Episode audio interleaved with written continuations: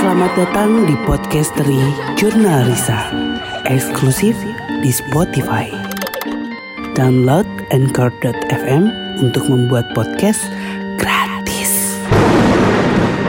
Assalamualaikum warahmatullahi wabarakatuh. Selamat datang di podcasteri Jurnal Risa. 14 Februari. Hari Senin biasa sih sebenarnya. Tapi suasananya entah kenapa hujan.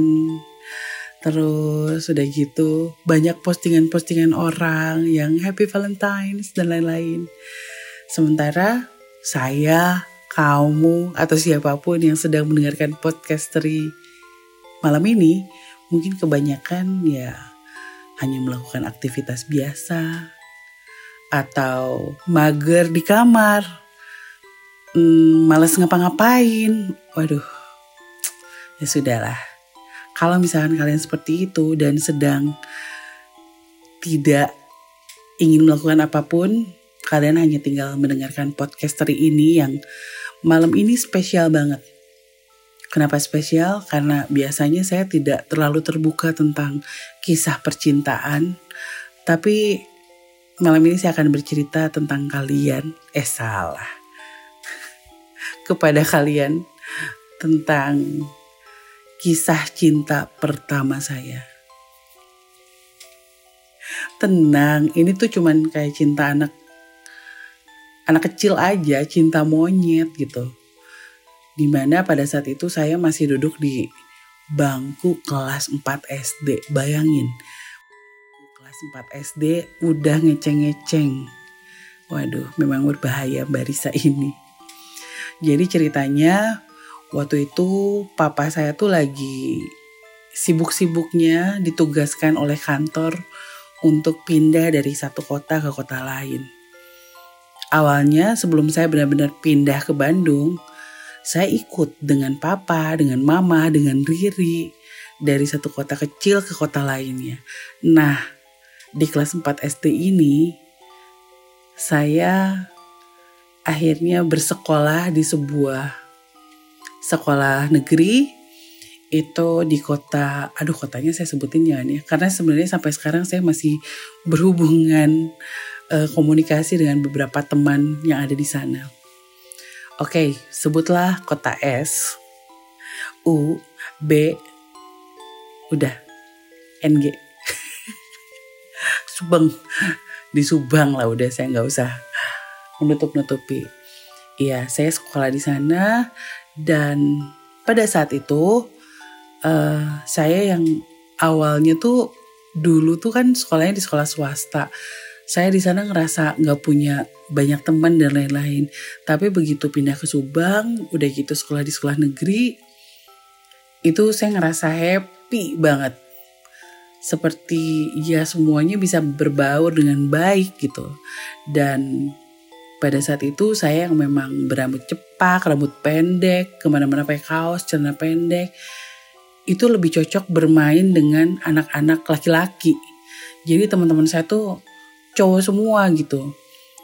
Waktu itu saya ingat saya punya sobat namanya Atar, ada Hangga, dan ada beberapa anak laki-laki lainnya. Atar ini bisa dibilang yang paling vokal lah di antara teman-teman cowok yang lain. Biasanya kan kalau di satu perkumpulan tuh selalu ada aja gitu satu anak yang pemberani yang petatang petenteng, yaitu adalah Atar. Nah, tapi dia juga bisa kalah lah oleh saya yang pada saat itu memang ya walaupun anak perempuan, tapi saya cukup galak sama mereka. Saya kadang-kadang memimpin mereka untuk main sepedahan, menentukan rute, untuk menentukan pulang sekolah kita akan ke mana. Ya pada saat itu memang cara saya bermain, berteman itu gak disukain banget sama mama. Mama berharap mungkin saya lebih kalem, mau diem di rumah, belajar gitu. Sampai berkali-kali mama bilang, kayaknya kamu mending sekolah di Bandung deh. Biar kamu nggak terlalu nakal seperti di sini mainnya sama anak-anak cowok kalau di Bandung kan mungkin nenek kakek saya pada saat itu yang memang disiplin banget akan mendisiplin mendisiplinkan saya supaya nggak terlalu nakal. Tapi terus terang pada saat itu saya nolak banget karena saya ngerasa betah banget di sekolah itu. Karena pertemanan yang menyenangkan, suasana baru yang saya rasakan, lalu satu lagi. Mungkin ini bisa jadi salah satu alasan yang kuat kenapa saya betah banget berada di sekolah itu ada seorang kakak kelas, kelas 5 SD, yang selalu dipuji-puji sama semua guru di sekolah. Dia pintar, dia berprestasi, dia ganteng sih. Menurut saya sih ganteng dan mungkin nggak cuma menurut saya pada saat itu tapi rasa-rasanya semua anak perempuan yang sekolah di sana tuh bilang bahwa Al Hadid Yunara adalah seorang siswa yang sangat cemerlang, gemilang, ganteng. Dipuji-puji oleh semua guru, dipuji-puji juga oleh semua siswi yang bersekolah di sana. Panggilannya Nara. Memang saya nggak kenal-kenal banget saya cuma bisa lihat dari kejauhan, lihat dia main bola, lihat dia di depan kelasnya, atau kadang-kadang di kantin gak sengaja ketemu. Kita gak benar-benar saling mengenal. Sampai suatu hari, tiba-tiba saat gak sengaja ketemu, berpapasan, laki-laki ini nih, idola di sekolah pada saat itu, tiba-tiba manggil nama saya. Risa, hey, mau ke mana? Wah itu ditanya seperti itu dan dia tahu nama saya aja udah wah banget. Saya sampai kayaknya seharian senyum-senyum terus. Dan saya tuh pada saat disapa kayak gitu nggak berani lihat matanya. Ngunduk terus. Sampai-sampai sahabat-sahabat saya nih, cowok-cowok ini, si Atar gitu, terutama dia bingung gitu kenapa sih sikap kamu kok aneh banget hari ini? Senyum-senyum sendiri nggak jelas gitu. Ya saya sih nggak mau menunjukkan atau menceritakan hal yang baru saya alami sama mereka. Rasanya gengsi banget gitu.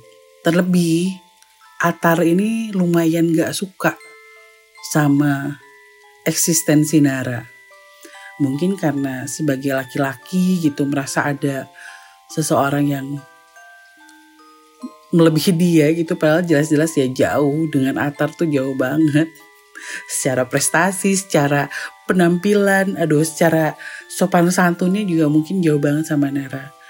Tapi sebagai anak kelas 4 laki-laki yang petantang petenteng si Atar ini selalu yang ah, apa sih bagusnya si Nara gitu. Dia selalu kayak gitu di depan saya. Dan saya pada saat itu selalu yang Enggak kotar, masih gantengan kamu, masih kerenan kamu. Dia mah main bolanya juga gak jago, pinter juga kayaknya pinteran kamu deh. Padahal itu jelas bohong banget kan. Dan si Atar ini sampai pernah bilang sama saya, awas ya, Sir, kalau kamu sampai suka sama si Nara, sama seperti anak-anak cewek lain, kamu bukan teman saya lagi. Kenapa Sir? ya dulu panggilan saya di kalangan anak-anak laki-laki ini Asir. Asir itu kalau dibalik jadi Risa. Menurut mereka nama Risa tuh terlalu manis untuk saya. Saya lebih pantas dipanggil dengan sebutan Asir. Dan bisa dibilang untuk cowok-cowok yang ada di sekolah itu ya cuma Nara ini kakak kelas yang ganteng ini yang manggil nama saya dengan nama Risa bukan asir seperti anak-anak cowok lainnya.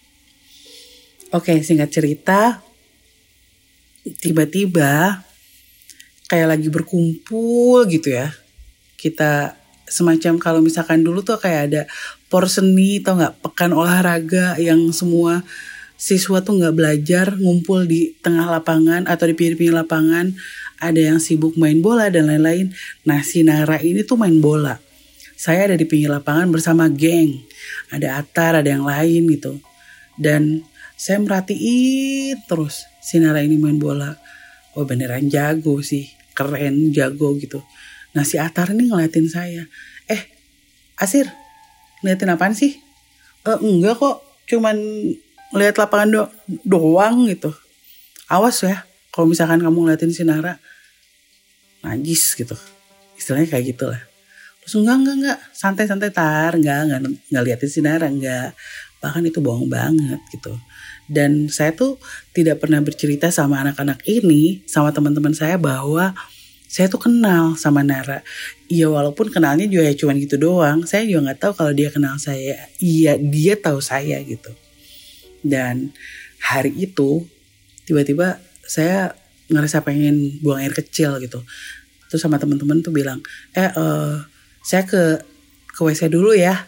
Oke okay, oke okay, nitip beli minum dong gitu. Iya ya nitip beli minum di kantin. Oke okay, oke okay, nanti gantiin lah gitu lah.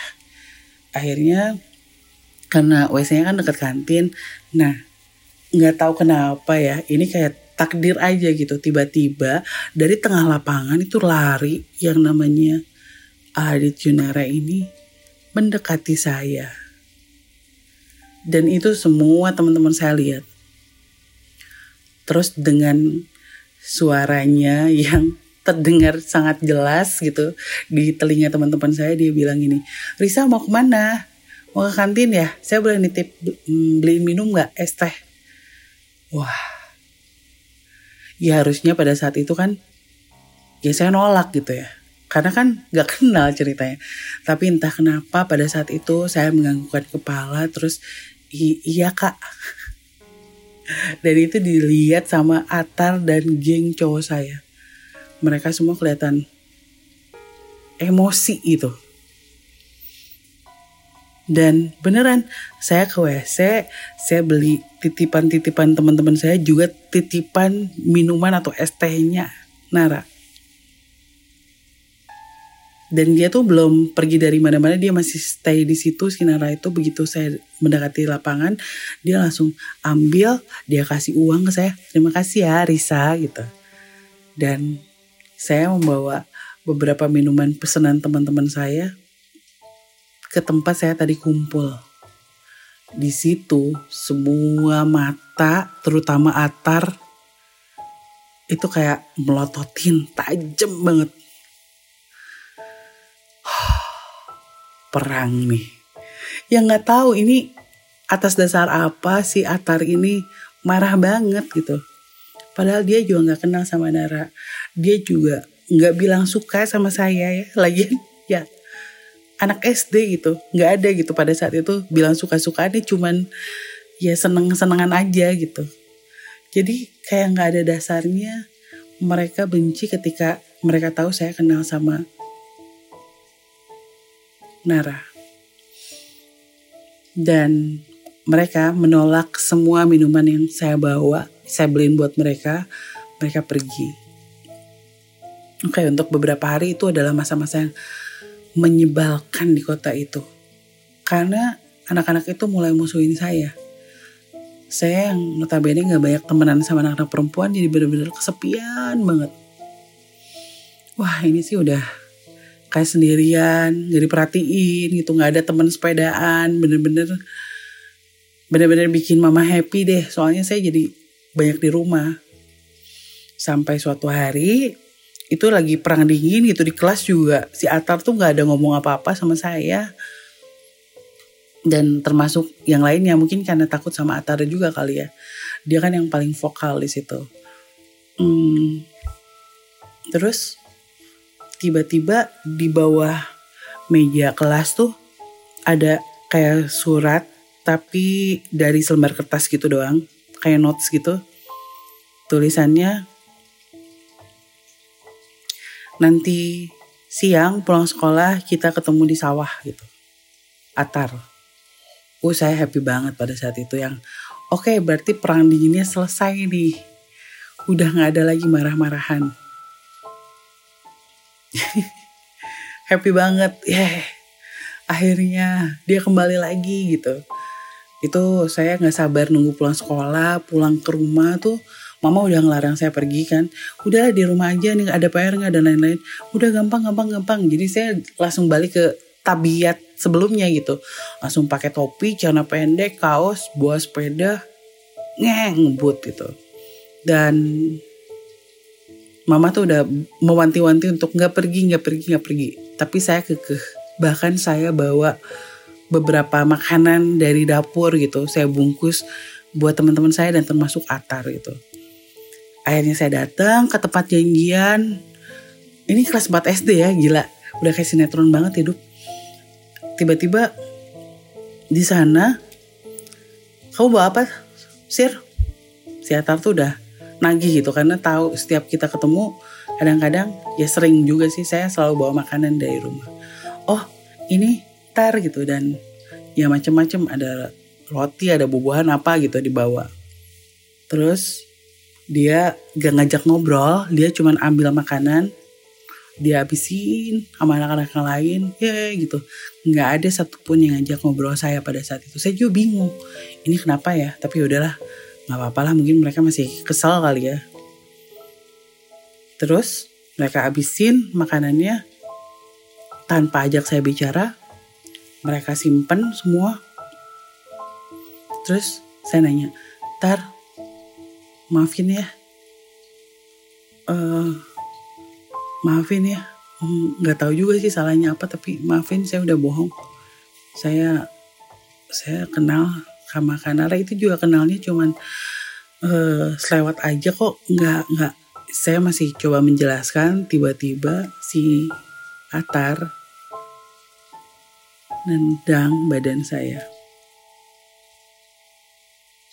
Ya kalian membayangkan lah ini kan kayak di tanah kering sawah gitu ya di pematang gitu ya kita kumpul-kumpulnya di di situ gitu di rumput-rumput pinggiran sawah dan dia nendang tubuh saya sampai saya akhirnya jatuh ke sawah badan saya waktu itu penuh sama tanah sawah yang basah dan semuanya kotor Tahu nggak yang mereka lakukan termasuk si Atar, mereka semua mentertawakan saya. Tidak ada yang membantu. Dan si Atar cuma bilang, rasain. Wah itu parah sih. Gila saya sampai nangis sendirian. Dan mereka meninggalkan saya pada saat itu.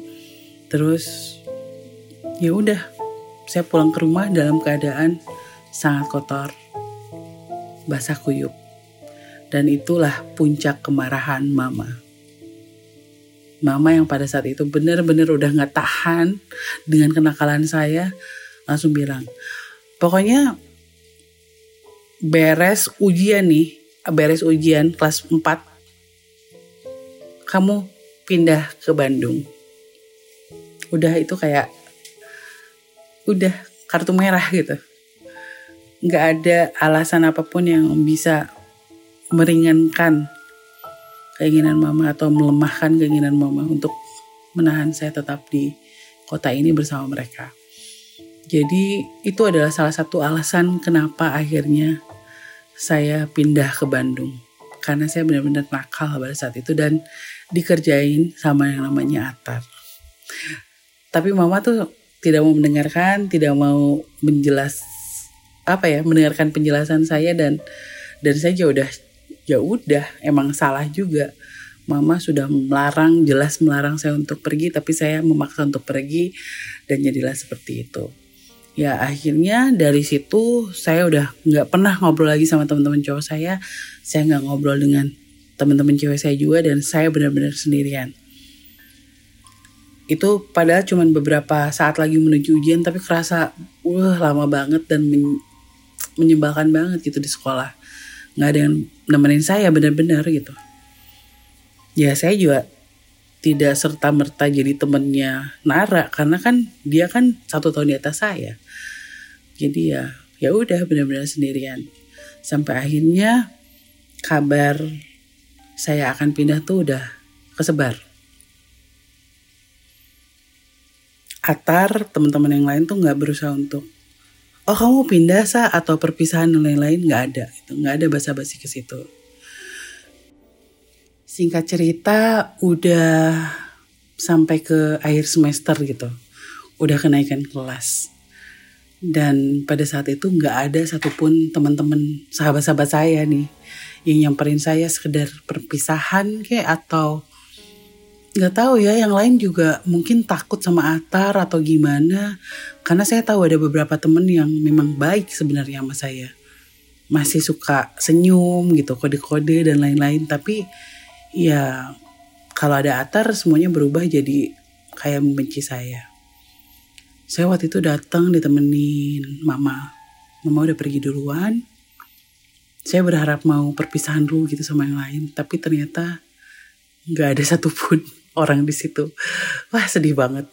Dan pada saat duduk sendirian, berharap disamperin sama teman-teman yang lain, tiba-tiba Nara datang dia duduk di sebelah saya. Dia bilang, e, Risa, kamu mau pindah ke Bandung? Bener itu? E, bener kak? Iya saya mau pindah ke Bandung. Oh, baik-baik ya di sana ya. Mudah-mudahan suatu saat bisa ketemu lagi, katanya gitu. Oh, oh iya kak. Nanti kalau kamu udah besar kamu pengen jadi apa sih dia tiba-tiba basa-basi aja kayak gitu dan ya saya juga asal gitu mau jadi dokter terus dia bilang gini e, wah jadi dokter hebat kalau saya sih mau jadi pilot padahal kan saya nggak nanya ya tapi dia cerita sendiri kalau saya sih mau jadi pilot pas kan pilot dokter Terus saya yang, hah? Uh, iya pas sih kak, kalau pilotnya jatuh kan bisa saya obatin. Ya jadi kita ketawa-ketawa aja gitu. Itu kali pertamanya ngobrol. Biasanya hanya ya cuman sapa-sapaan yang dua kali itu aja. Dan terakhir kali itu ngobrol. Hmm, ya udah nanti suatu saat kalau saya udah jadi pilot, kalau kamu udah jadi dokter kita ketemu ya gitu. Oke okay, siap siap kak bener-bener apa ya sapaannya Nara tuh membuat hari saya yang udah bete banget karena kayak nggak dianggap sama teman-teman tuh berubah gitu jadi ya menyenangkan gitu dan sekaligus jadi berat juga ngerasa aduh padahal dari kemarin udah pengen banget nih pindah ke Bandung karena situasi yang tidak menyenangkan ini tapi karena obrolannya Nara pada saat itu itu merubah semuanya jadi kerasa berat lagi gitu. Aduh, apa bener ya pindah ke Bandung gitu. Cuman ya akhirnya kita pindah ke Bandung. Oh iya, ada satu kata-kata yang akhirnya saya kutip itu untuk novel Ananta Prahadi. Jadi ke kelas ini, anak kelas 5 ini bilang gini, nggak apa-apa Risa, walaupun saya di sini, kamu di Bandung, tapi kan langitnya tetap sama siang tetap siang, malam tetap malam. Kita berada di bawah yang langit yang sama kata gitu. Oh, wow, emang cerdas banget ini anak ya. Pantas jadi idola semua guru. Itu benar-benar bikin saya jadi tersenyum, happy gitu. Ya udah akhirnya saya pindah ke Bandung dan setelah pindah ke Bandung cerita-cerita tentang Al Hadid Yunara ini udah tidak pernah teringat lagi. Udah hilang aja gitu dan berganti dengan kehadiran Peter, Hans, Hendrik, Jensen, dan William. Sampai satu ketika, itu tepatnya ketika saya SMP, tiba-tiba salah satu teman saya, namanya Angga, dia telepon. Mungkin kalian udah tahu kan di cerita saya sebelumnya. Telepon, apa kabar? ya cerita-cerita lah. Risa masih inget nggak? Masih masih gitu. Kamu dapat nomor telepon dari mana? Dari mamanya Risa, karena kan mama masih tinggal di kota itu. Oh gitu, iya iya gitu. Dulu kan teleponnya ke rumah gitu, telepon rumah. Terus di SMP mana nih? Di SMP sekian katanya gitu. Ada yang lain nggak? Saya tuh mulai keinget lagi tentang Nara gitu. Apa dia ada di sekolah yang sama atau gimana gitu kan? Terus uh, ya tiba-tiba saya nanya aja gitu eh kamu masih inget yang namanya Nara. Oh, Nara. Ya dulu sempat masuk SMP ini sih katanya gitu. Tapi sekarang udah nggak ada sa. Nggak ada, pindah ke mana dia gitu. Meninggal sa. Hah? Meninggal.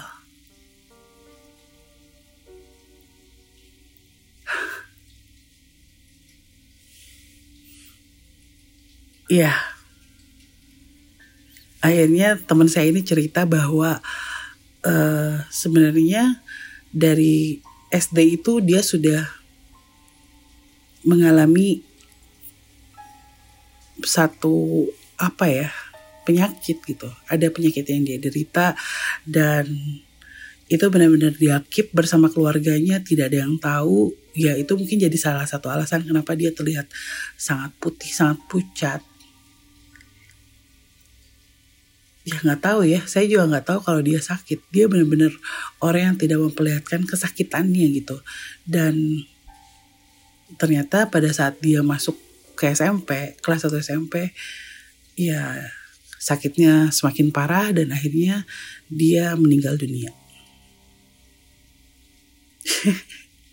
jadi akhirnya cerita itulah ya akhirnya saya jadi kebayang lagi tentang jadi dokternya, jadi pilotnya lah. Perlakuan temen-temen saya dulu, terus iya sosoknya tuh jadi kebayang lagi gitu. Dan dari cerita ini, akhirnya saya menulis lagi sebuah buku dengan judul Ananta Prahadi. Jadi Ananta Prahadi ini adalah sebuah dedikasi yang saya tulis untuk apa ya cinta monyet saya yang bernama Aladit Junara. ya sudahlah, ini cerita romantis saya malam ini yang sebenarnya nggak romantis romantis banget, ya cukup sad gitu. Cuman ya memang ya ya anak kecil mau seserius apa, mau ya ya cinta monyet gitu, cuman suka-sukaan, cuman ya uh, sosok bernama Nara ini lumayan berkesan sampai akhirnya terinspirasi atau menginspirasi uh, menginspirasi saya untuk menulis buku berjudul Ananta Prahadi. Terima kasih kalian sudah mendengarkan podcast dari malam ini. Semoga terhibur. Wassalamualaikum warahmatullahi wabarakatuh.